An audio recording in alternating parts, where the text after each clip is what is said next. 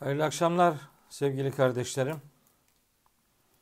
Bu akşam onuncusuyla huzurlarınızda bulunduğum 5 soruya cevap programımızda yine 5 temel konuyu sizlerle konuşma e, imkanı verdiği için Rabbime hamd ediyorum.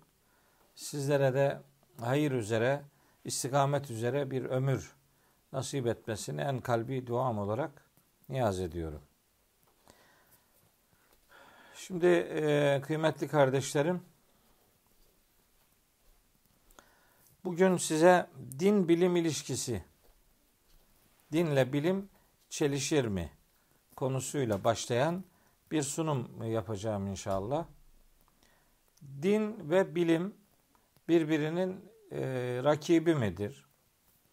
Dinin dedikleri bilimle ne kadar örtüşür? Ya da bilimsel araştırma dediğimiz bir takım teoriler veya artık gerçeğe dönüşmüş bir takım ispatlar Kur'an-ı Kerim'le nasıl karşılaştırılır? Böyle bir şeye gerek var mı? Yok mu?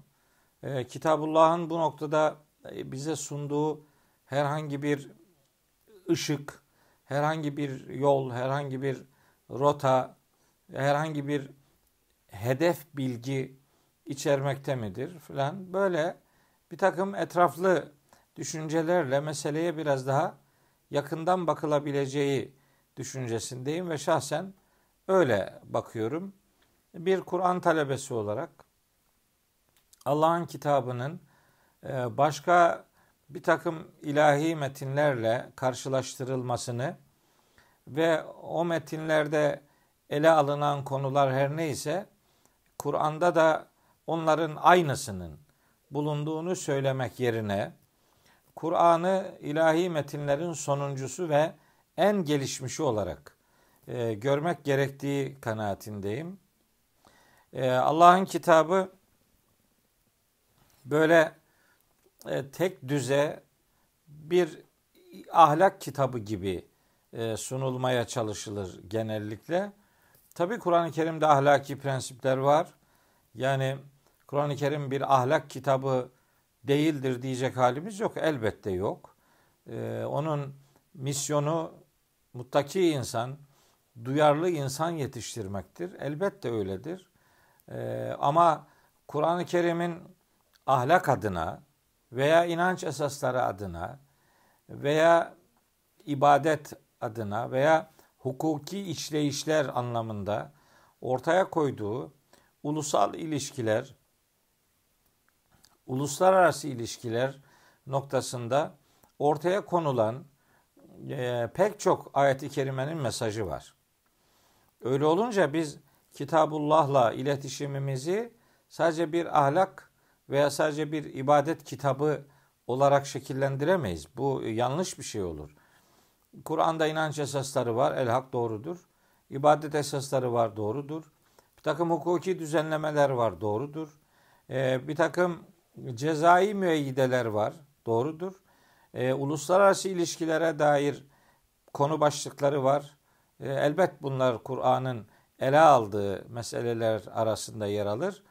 Ya ama bütün bunlardan farklı olarak Kur'an-ı Kerim'in hani bu anlattığım e, özellikler diğer ilahi kitaplarda da var idi.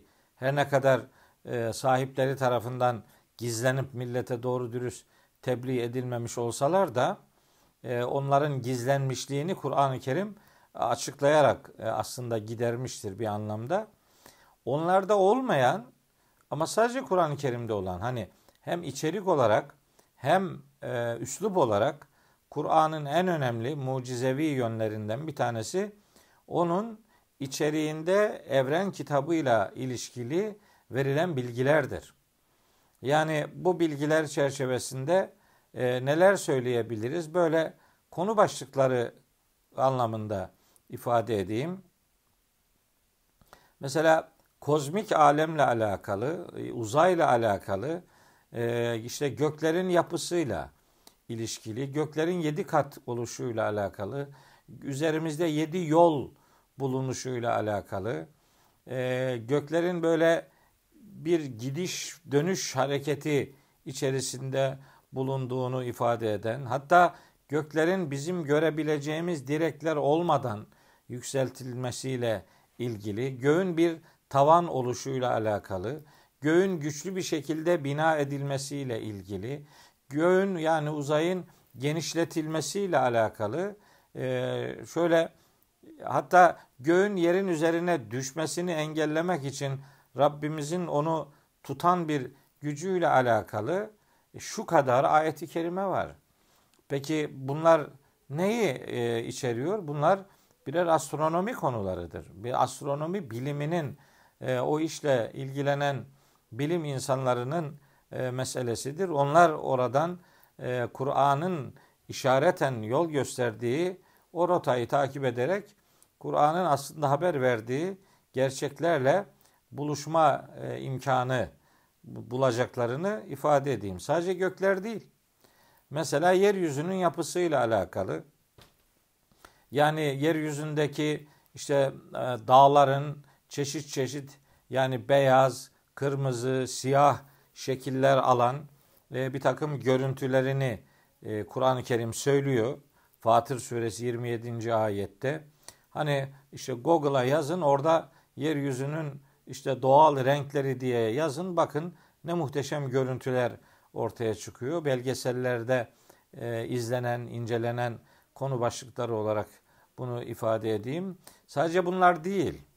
Mesela işte rüzgarların yağmur e, yoğurması, bulutların işte birbiriyle çarpışmasıyla e, işte ateşin oluşması, hani şimşeğin oluşması, hatta yıldırımın oluşması, o arada şimşeğin arasından şimşek ateş, ateşin arasından dolunun e, yaratılması mesela Nur suresinde anlatılır.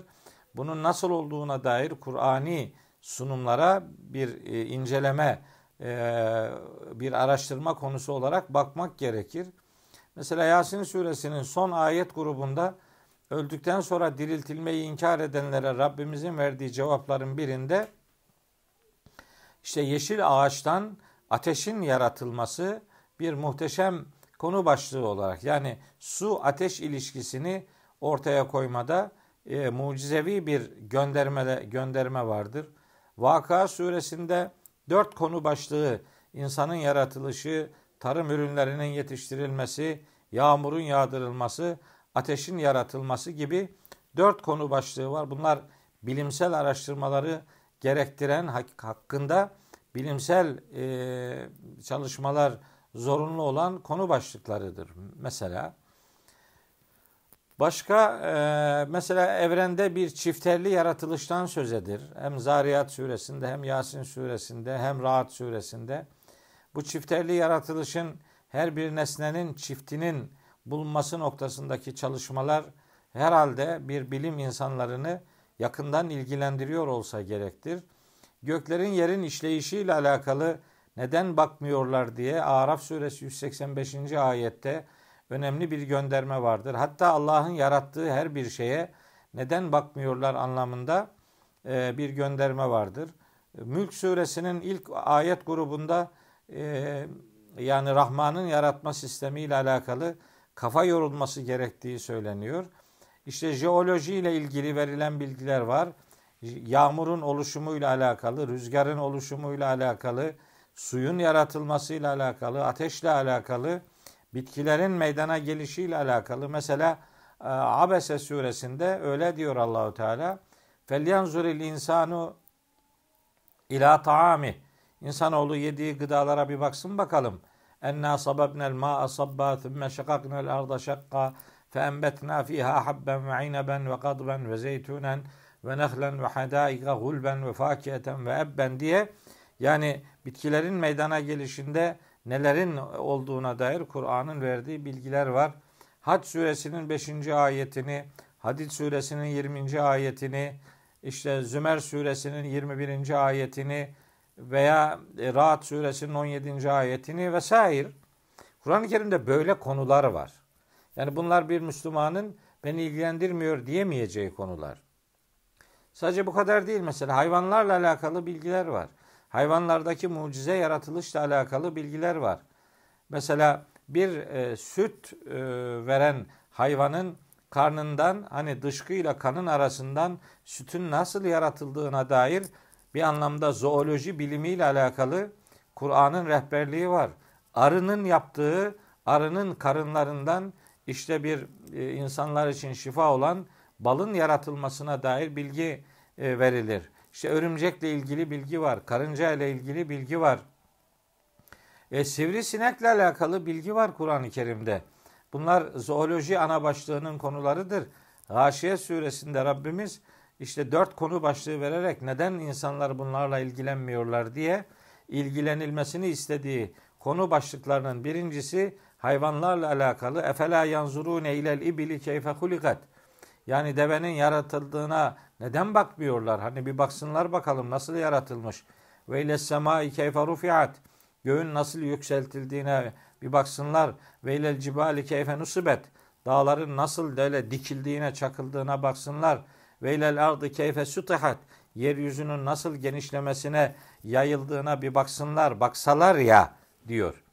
Kaf suresi 6, 7, 8, 9, 10. ayetlerde göğünden yerine, suyundan bitkisine, meyvesinden otuna varıncaya kadar detaylı bilgi vererek bir taraftan astronomiye, bir taraftan jeolojiye, yerin içerisine yerleştirilen ağırlıklarla ilişkili ağırlıkların insanların sarsılmayla alakasına dikkat çeken konular olmak üzere mesela jeomorfolojiye Kur'an-ı Kerim'in dikkat çektiğini biz biliyoruz. Botanik Kur'an'ın başlı başına ele aldığı konulardan bir tanesidir. Botanik, canlılar bilimi muhteşem konu başlıklarıyla Kur'an-ı Kerim'de yer alır. Bütün bunların ötesinde başka bambaşka bir şey söyleyeyim. Mesela e, insanın yaratılışıyla alakalı. Kur'an'da verilen bilgiler öyle asla ve asla küçümsenecek bilgiler değiller. O bilgilerde insanın toprakta suyla, toprakla, çamurla, çamurdan bir konsantre e, yapıyla, çamurdan bir özle, onun işte balçık şeklindeki haliyle ve onun ateşle, sıcakla buluşturulmuş fekhar gibi bir balçık yapısıyla ilgili yedi tane konu başlığı verir. Bunlar bilimsel e, araştırmayı gerektiren konular. Zaten pek çoğu araştırılmış. Hala daha araştırılması ve cevabının bulunması gereken konu başlıkları var. Mesela ana rahmindeki şeyler, ana rahminde insanoğlunun yaratılış aşamaları Kur'an-ı Kerim'in dile getirdiği çok önemli konular arasında yer alır. Mesela bir yaratılıştan başka bir yaratılışa geçerek annelerinizin karınlarında sizi e, üç karanlığın içerisinde Allah yaratmaya devam ediyor diye bir üç yarat üç karanlığa gönderme yapıyor. E bunlar yani e, canlılıkla alakalı olduğu için biyolojinin e, insanla alakalı e, bir yaratılış süreciyle ilgili olduğu için de bir anlamda embriyolojinin çok önemli konu başlıkları arasında yer alır. Böylece Kur'an bilim ilişkisinde bizim hani e, ne gerek var bütün bunlara diyebileceğimiz bir e, boş alanın bulunmadığını, Kur'an-ı Kerim'in bilim dediğimiz hakikatlere iki de bir göndermeler yaptığını hem evrenle ilgili hem canlı alemle ilgili hem bitkiler alemiyle ilgili hem de insanın yaratılışıyla ilgili göndermelerinin bulunduğunu bu vesileyle sizlere ifade etmiş olayım. Din bilim ilişkisinde Kur'an'ın yönlendirmelerini çok önemsediğimizi, dinin bilimle kavgasının olduğunu veya anlaşma anlaşma zemini bulunmadığını ifade edenlerin aslında bu bir batı kaynaklı bir bakış açısı olduğunu düşünüyorum. Kitab-ı Mukaddes'te nihayetinde ne var? Kitab-ı Mukaddes'te böyle bilimsel hayata dair göndermeler olmadığı için Batı'da kilisenin bilim insanlarıyla olan kavgasını e, bugünkü bilim insanlarının Kur'an'la da irtibatı olmaması şeklinde bir yönlendirmeye meseleyi götürmemek durumunda olduğumuzu bu vesileyle sizlere ifade etmiş olayım. Biz din bilim ayrımını değil, dinin Allah'ın indirdiği bir sistemi, bilimin de Allah'ın yarattığı bir sistemi olduğuna inanarak e, vahyedilen hakikatlerin birer e, ilahi bildirim olduğunu ama yaratılan bu aleme de Rabbimizin sanatını, ustalığını, erişilmez gücünü ve kuvvetini yerleştirdiğini bu vesileyle hatırlatarak bu birinci soruyu böyle e, özetlemiş olayım. Bir 15 dakikalık vakti böyle değerlendirmiş olduk diyelim. İkinci ele almak istediğim konu gene bu yaratılışla alakalı. Hani evrim Kur'an'a aykırı mıdır diye. Yani evrim e, eğer bir gelişme anlamında, bir aşamalılık anlamında düşünülüyorsa bunun nihayetinde Kur'an'a aykırı bir tarafının olmadığını çok rahatlıkla söylerim. Zaten Kur'an-ı Kerim yaratılışın aşamalar halinde gerçekleştiğini söylüyor zaten. Kur'an-ı Kerim yaratılışın başlangıcından ve devamından söz eden mesajlara sahiptir. Ankebut suresinde öyle buyuruyor. Evelem yarav keyfe yubdiullahul halqa sümme yu'iduh. Görmediler mi Allah yaratılışı nasıl başlatıyor sonra da iade ediyor diye 19. ayet Ankebut suresinin Kul siru fil ardı fenzuru keyfe bede'el halqa de ki gidin yeryüzünde dolaşın.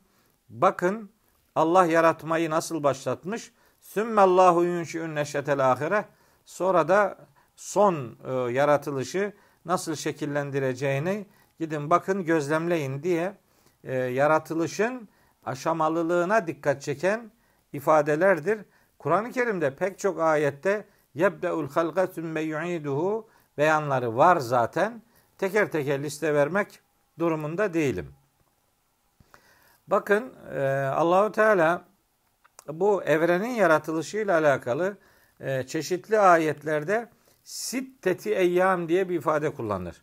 Sitteti eyyam demek altı evre, altı dönem, altı e, aşama anlamına alınacak. Çünkü henüz dünyanın da olmadığı, henüz güneşin de olmadığı bir ortamda 24 saatlik zaman dilimi manasında bir gün göndermesi çok doğru bir e, anlamda karşılanmaz.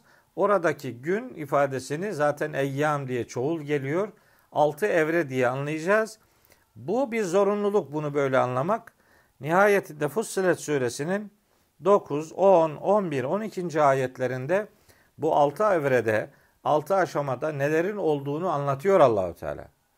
Yani Allah bir anda ol dese her şey olur mu? Olur. Allah'ın buna gücü yeter mi? Elbet yeter. O kün deyince, ol deyince feyekün, oluşum başlar. Oluş başlar. Yekûnu kalıbı böyle bir sürü, süreklilik, bir aşamalılık içeren kalıptır. Onun üzerinden oluşumun e, başladığı ve hemen başladığı mesajı verilir. Biz kün feyekûnü bu ifadeleri Allah bir şeyin olmasını istediğinde hemen ol der. O da hemen olup biter. Hemen olup bitmez. Hemen olup bitirmeye Rabbimiz kadirdir. Ama sistemini böyle aşamalılık esasına göre dizayn etmiş.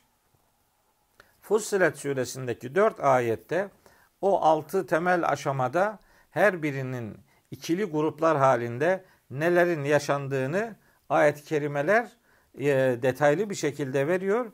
Tabi ben e, o ayetlere girersem zaten başka hiçbir konuyu, e, hiçbir soruyu ele alamam. Sadece numaralarını söylüyorum. Bakabilirsiniz Fussilet suresinin dediğim ayeti kerimelerine. Şimdi evrende yaratılış böyle de diğer şeylerde farklı mı? Hayır. Mesela bitkilere bakıyorsunuz. Bitkilerde de yaratılışta bir aşamalılık var. Hac suresi 5. ayeti, işte Zümer suresi 21. ayeti, Hadid suresi 20. ayeti, daha başka Keyif suresinde bir ayeti kerime var. Çok nefis bununla alakalı. Ben hemen size yerini söyleyeyim.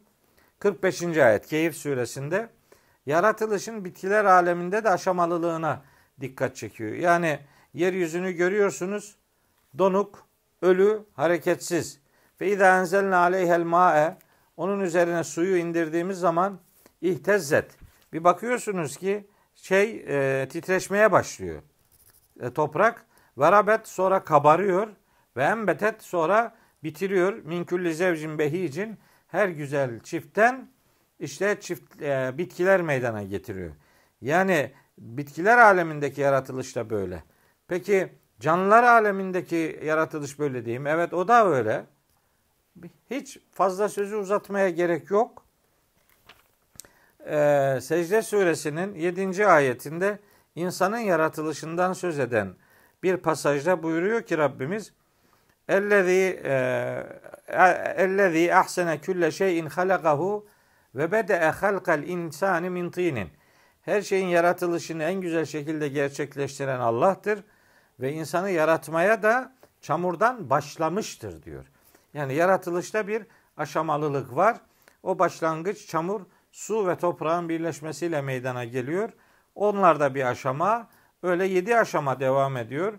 Sonra nefsi vahide dediğimiz ilk cana, sonra nutfe dediğimiz döllenmiş yumurtaya, sonra alaka dediğimiz embriyoya, sonra mudga dediğimiz bir çiğnem et görüntüsüne, sonra onun kemiğe dönmesine, sonra o kemiğin bir kasla etle giydirilmesine, sonra da bambaşka bir yaratılış olarak işte organlarının aşamalı bir şekilde meydana getirilişine Kur'an-ı Kerim böyle dikkatler çekiyor.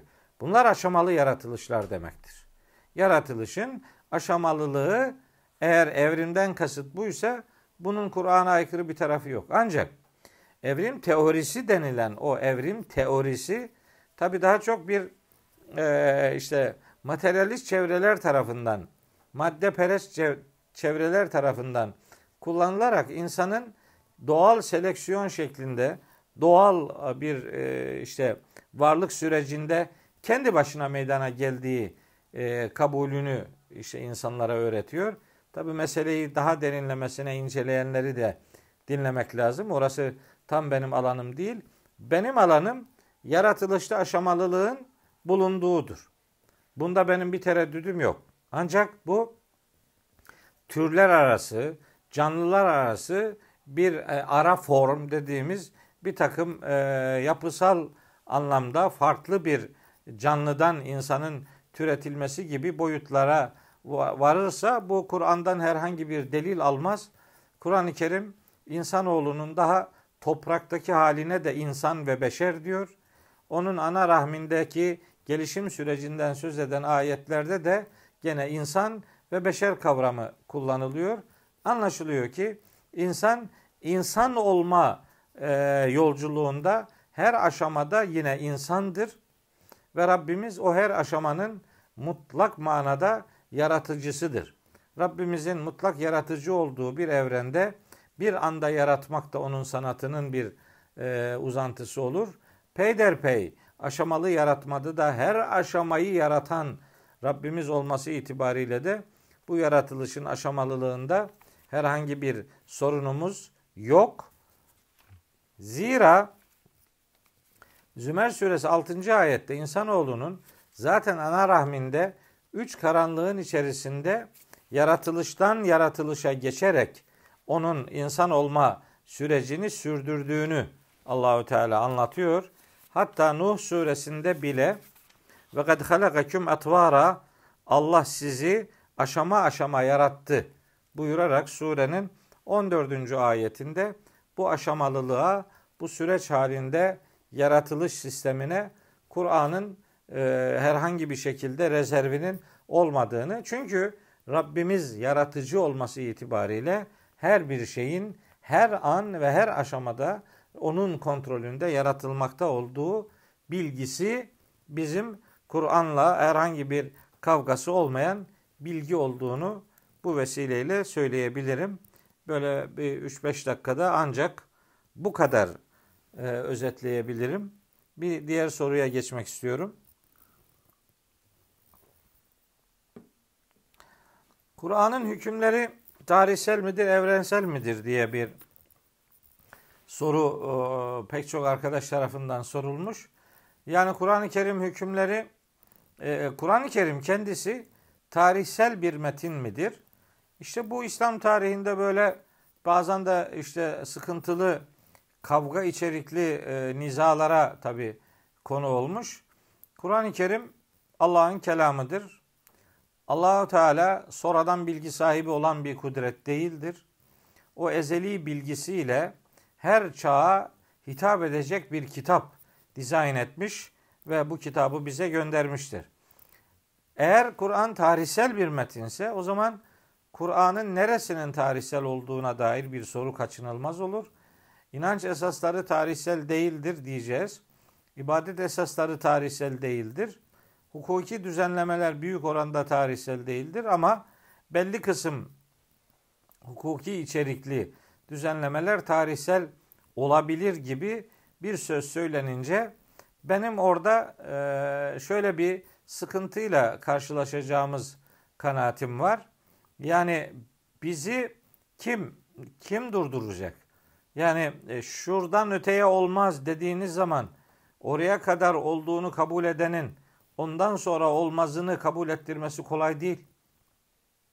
Bu yani güncel anlamda bu tartışılıyor ama şimdi bu bu kanaatte olanları eleştirenlerin aslında aslında ayakta durar halleri yok. Çünkü onlar Kur'an'da nasih mensuh diye hükmün iptali diye bir kuruma inanıyorlar.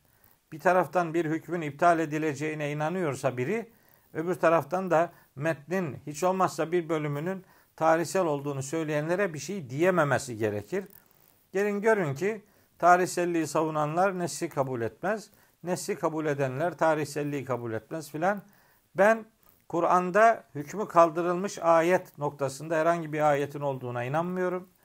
Ee, Kur'an'ın çeşitli işte bazı sünnet uygulamalarını nesettiğini, sünnetin sünneti nesedebildiğini, Kur'an'daki bazı hükümlerin önceki e, insanların ellerindeki şeriatlerin aslında değil de bozulmuş şeklindeki e, uygulamalarını nesettiğini kabul ediyorum. Ben sadece Kur'an'ın Kur'an'da bir ayeti nesedemeyeceğine, hele hele bir de bu burada da durmuyor.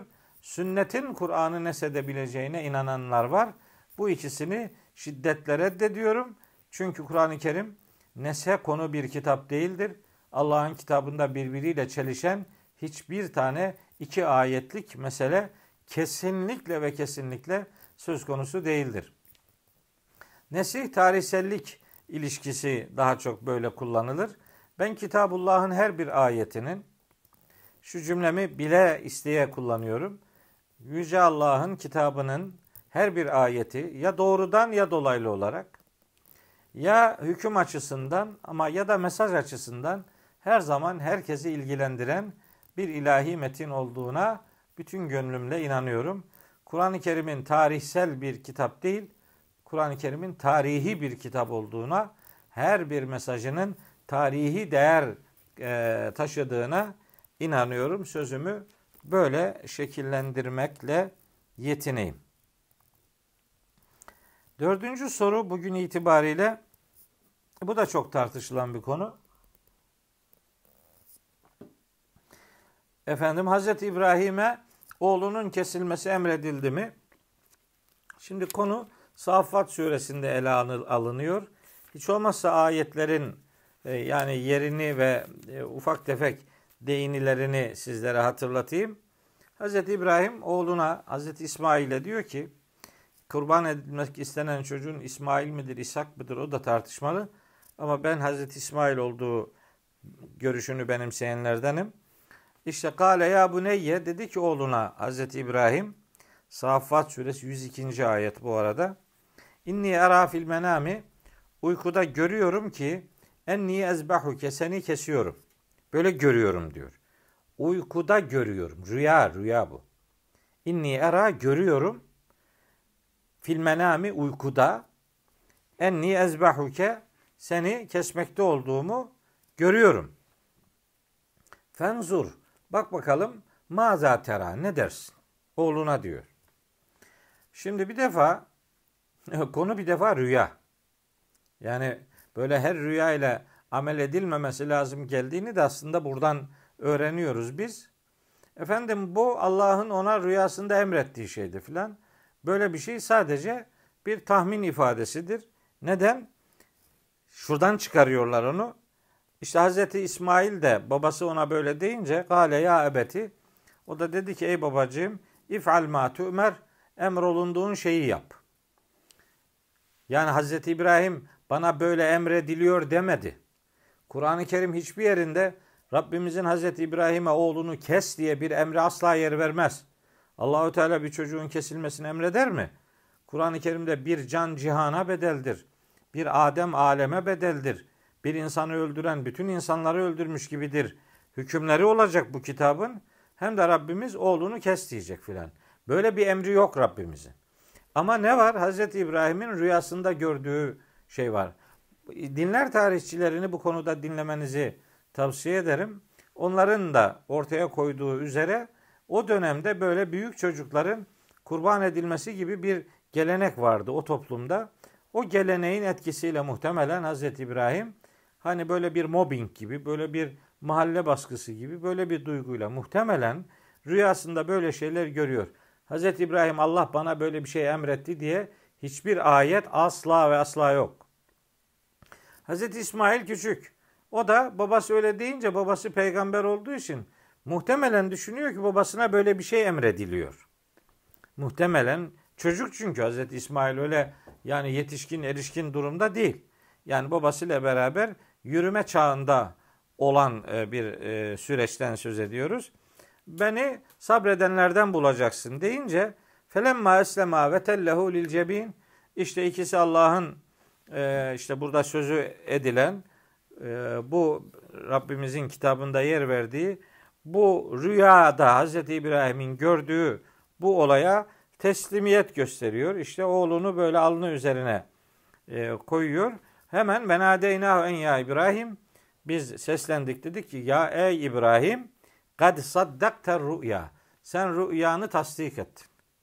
Yani gördüğün böyle bir rüya görmüşsün şimdi onun gereğini e, sen kendince yerine getirdin ama Allahu Teala bakın burada kad saddakta emra rabbike falan demiyor. Kad saddakta rüya bir rüyaydı. Rüya ile ilgili bir şey yapıyordu. Allahu Teala böyle bir rüyanın gereğini yerine getirmemesi noktasında Hazreti İbrahim'e vahyederek Hazreti İsmail'in kurban edilmesini elbette ve elbette engellemişti. İnna kederlike nezzil muhsinin böyle bir teslimiyet gösterenleri biz böyle ödüllendiririz. İnna hâzâ lehuvel belâul mubin. Bu açık bir imtihan. Hazreti İbrahim böyle bir imtihan, kendisini böyle bir imtihanda buldu ve fedeynahu bi zibhin azim. Bunun üzerine biz ona büyük bir kurbanlık verdik diye meseleyi bitirdi. Şimdi bunu Allah efendim e, oğlunu kestirmesi kesmesini İbrahim'e emretti. Öyle bir emir yok. Sonra sonra bakın burada başka bir sıkıntı var. Allahu Teala eğer emrettiyse Hazreti İbrahim'e bir Rabbimiz emrettiği şeyden vazgeçmez. Yani önce emretti sonra tamam vazgeçtim mi diyecek. Yani öyle bir sünnet yok Kitabullah'ta. İkincisi bir peygamber eğer ona Allah'ın emrettiği bir hükümle yüz yüze ise o emri uygulamada birinin öbürünün fikrini almaz. Ve yeşhed azabahuma taifetun minel müminin şey ve la ta'khudhukum bihima ra'fetun fi dinillahi in kuntum tu'minun billahi vel yevmil ahir. Allah'a ve ahirete iman ediyorsanız Allah'ın dinini uygulamada sizi herhangi bir şefkat kaplamasın. Yani burada bir emir varsa onu Hz. İbrahim mutlaka yapmalıdır. Bu konuda kimsenin fikrini almamalıdır. İkincisi o konuda herhangi bir şefkate kapılmamalıdır. Üçüncüsü de Rabbimizin böyle bir emri yoktur. Dördüncüsü bu bir rüyadır. Beşincisi Allah'ın böyle bir emri olmadığı için emrinden Rabbimiz vazgeçmiş filan değildir. Peki bütün bu olanlar nedir? Bütün bu olanlar Hz. İbrahim'in görmekte olduğu bir rüya ile ilgili yapmaya çalıştığı bir uygulama ve Rabbimizin ona açık müdahalesidir. Mesela budur. Böyle sosyal medyada Hz. İbrahim'in oğlunu işte kurban etmesini inkar ediyor filan gibi e, gereksiz cümleler söylüyorlar. Benim inkar ettiğim bir şey yok. Ben sadece bu ayetler doğru anlaşılsın. Allah'ın olmayan bir emrini olmuş gibi göstererek e, Rabbimizin bir emrini bir süre sonra e, vazgeçme noktasına getirmenin ve bir peygamberin Allah'ın emrini yerine getirmede başkalarının fikrine müracaat ettiğinin yahut da onu bir şefkatin kapladığının iddia edilmesi gibi bir takım kalemleri doğru bulmuyorum. Zaten okuduğum son ayette de sen rüyanı tasdik ettin diyerek bunun bir rüya olduğuna özellikle tekrar gönderme yapıyor. Mesele olayı inkar etmiyorum ama bunun Allah'ın bir emri olup Rabbimizin o emri verip sonra da vazgeçtiği şeklindeki kanaatin doğru olmadığını söylüyorum. Bu benim görüşüm. İşte gidip dinler tarihçilerinden de meseleyi efendim öğrenebilirsiniz, dinleyebilirsiniz ama öyle bazı internet sitelerindeki öyle slogan atan adamların e, kitabi bilgisi olmayan, söylenileni anlamayan tiplerin e, anlayacağı bir konu değil bu. Bilim insanlarından bunu öğrenmenizi tavsiye ederim bir kardeşiniz olarak. Bugün itibariyle son çok kısaca söyleyeceğim e, bir e, başka konuysa kaderimiz önceden belirlendiyse Allah bizi neden yarattı diye bir defa Allah Allah bizi neden yarattı sorusunu çok abes görüyorum. Niye? Yaratıcılık sıfatı olan bir kudrete neden yarattı diye sorulmaz. Yani bir sanatkarın sanat eseri üretmesine niye bunu yaptın denir misin denmek ne kadar ayıpsa Allahü Teala'ya da bizi neden yarattı demek o kadar ayıptır. Efendim Allah bana mı sordu beni yaratırken filan. Kardeşim sana sorması için senin yaratılmış olman gerekiyor diyor. Nasıl soracaktı sana yani? Bu ne biçim bir soru? Bu Allah için sorulacak soru değil. Burada sorulacak soru şudur. Ya Rabbi benim kaderimi önceden sen yazdın. Ne yapacağımı biliyordun. Hatta ne yapacağımı sen yazdığın için ben onu mecburen yaptım. Şimdi de beni o yaptığımdan dolayı neden cezalandırıyorsun diye soru sorulabilir. Çünkü böyle bir şey yok. Allahü Teala hep derler. Allah senaryoyu yazdı, rolleri de dağıttı. Hayır. Allah senaryoyu yazdı, rolleri tanıttı. Allah rolleri tanıttı. İnsanlar o rollerden hangisini istiyorsa onu seçiyorlar. Alın yazısı diye insanın nasıl yaratılacağı veya nasıl yaşayacağı noktasında Cenab-ı Hak önceden bir şeyler yazmış ve millet de onları uyguluyor değildir. İnsanların her biri kendi iradeleriyle yapacaklarını kendileri tercih ederler. Bu iblisin Allahü Teala'ya yönelik bir sözüdür aynı zamanda. Sen beni saptırdın diye Rabbimiz ona hayır sen kendin yüz çevirdin, sen kendin kibir gösterdin ve sen kendin kafirlerden oldun diyerek onun iradesiyle kendi yolunu, yönünü tercih, tercih ettiğini vurgulamaktadır Rabbimiz. E, bu arada mesela Mekkeli müşriklerin de şöyle sözü var. Lev şa'allahu ma eşrekna ve la abauna ve la harramna min şey. Yani Allah dileseydi biz de atalarımızla şirk koşmazdık. Ne demek? Kezalike kezzebellezine. Kendileri kendileri yalanladılar. Hiç kimse inkarını Allah'a fatura edemez. Cenab-ı Hak kurallar yaratmıştır, irade vermiştir, akıl vermiştir. Herkese dört tane değer vermiştir. Değer yaratmıştır herkesin varlık dünyasında. Bir, akıl, iki, irade, üç, fıtrat, dört, vicdan. Bunlarla beraber Cenab-ı Hak insanoğlunu hayata getirmiş. Bu dört değeri nasıl işleteceği noktasında onlara peygamberler görevlendirmiş ve her bir peygamberle de kitap yani ilahi mesajlar göndermiştir. Bu altı değeri işletmek insan olmanın gereğidir. Allah ne gereği var hepimizi Müslüman yaratsaydı diyenlere cevabım Allah'ın öyle kulları da var. Melekler öyledir. Ama meleklerin zevkleri yoktur. Yani insan gibi yaşayıp, insan olarak yaşayıp her lezzeti, her tadı efendim tat tattıktan sonra işin hesabını vermeye sıra gelince e, melek olsaydım daha iyiydi. Bu doğru bir e, yaklaşım değil, bu bir samimi bir yaklaşım değil. Kader vardır. Kader Allah'ın kudretidir. Kadir olan, kadir olan Allah'ın kudret sıfatıdır kader. Kadere herkesten daha çok inandığımı, en az herkes kadar kader imanımın olduğunu beyan edeyim. Ama kader denilen şey alın yazısı filan değildir. Rolleri Rabbimiz dağıtmamış, tanıtmıştır. Herkes rolünü kendisi tercih etmektedir. O rolünü tercih etmenin sonucunda da sonuçlarına herkes kendisi katlanacaktır. Bir senarist senaryo yazıp rolleri oyunculara dağıtıp sonra da kötü adam rolünü verdiği kişi rolünü iyi oynayınca ona sen niye böyle çok kötü adam görüntüsü verdin? Ben sana ücretini vermiyorum ya da seni cezalandırıyorum derse bu ne kadar hakkaniyetsiz olursa Cenab-ı Hakk'ın da bir adamı kötü olarak takdir edip sonra ona niye kötü oldun demesi de o kadar abestir. Öyle bir şey zaten demiyor. Fiiller bize aittir. Biz kendi fiillerimizi tercih ediyoruz. Dağıtılan rolleri kendimiz tercih ettiğimiz için sonuçlarına da hepimiz katlanacağız. Kadere imanım Allah'ın her bir sıfatına olan imanım kadardır. Ancak bunu alın yazısı gibi satıp her bir felaketi, her bir melaneti, her bir kötülüğü Allah'a ve kadere havale etmeyi ise şiddetle reddediyorum. Bunu bu vesileyle sizlere tekrar ifade edip bugünkü programı 40 dakikalık e, yap, yapmak zorunda kaldığımızı beyan edeyim. Eğer bir hak hukuk tecavüzü olduysa da e, özür dilerim. Kimsenin hakkına girmek istemem. Bu arada bugün biliyorsunuz bir e, kardeşimiz koronavirüsten vefat etti. Ömer Döngeloğlu. Kendisini şahsen tanırdım.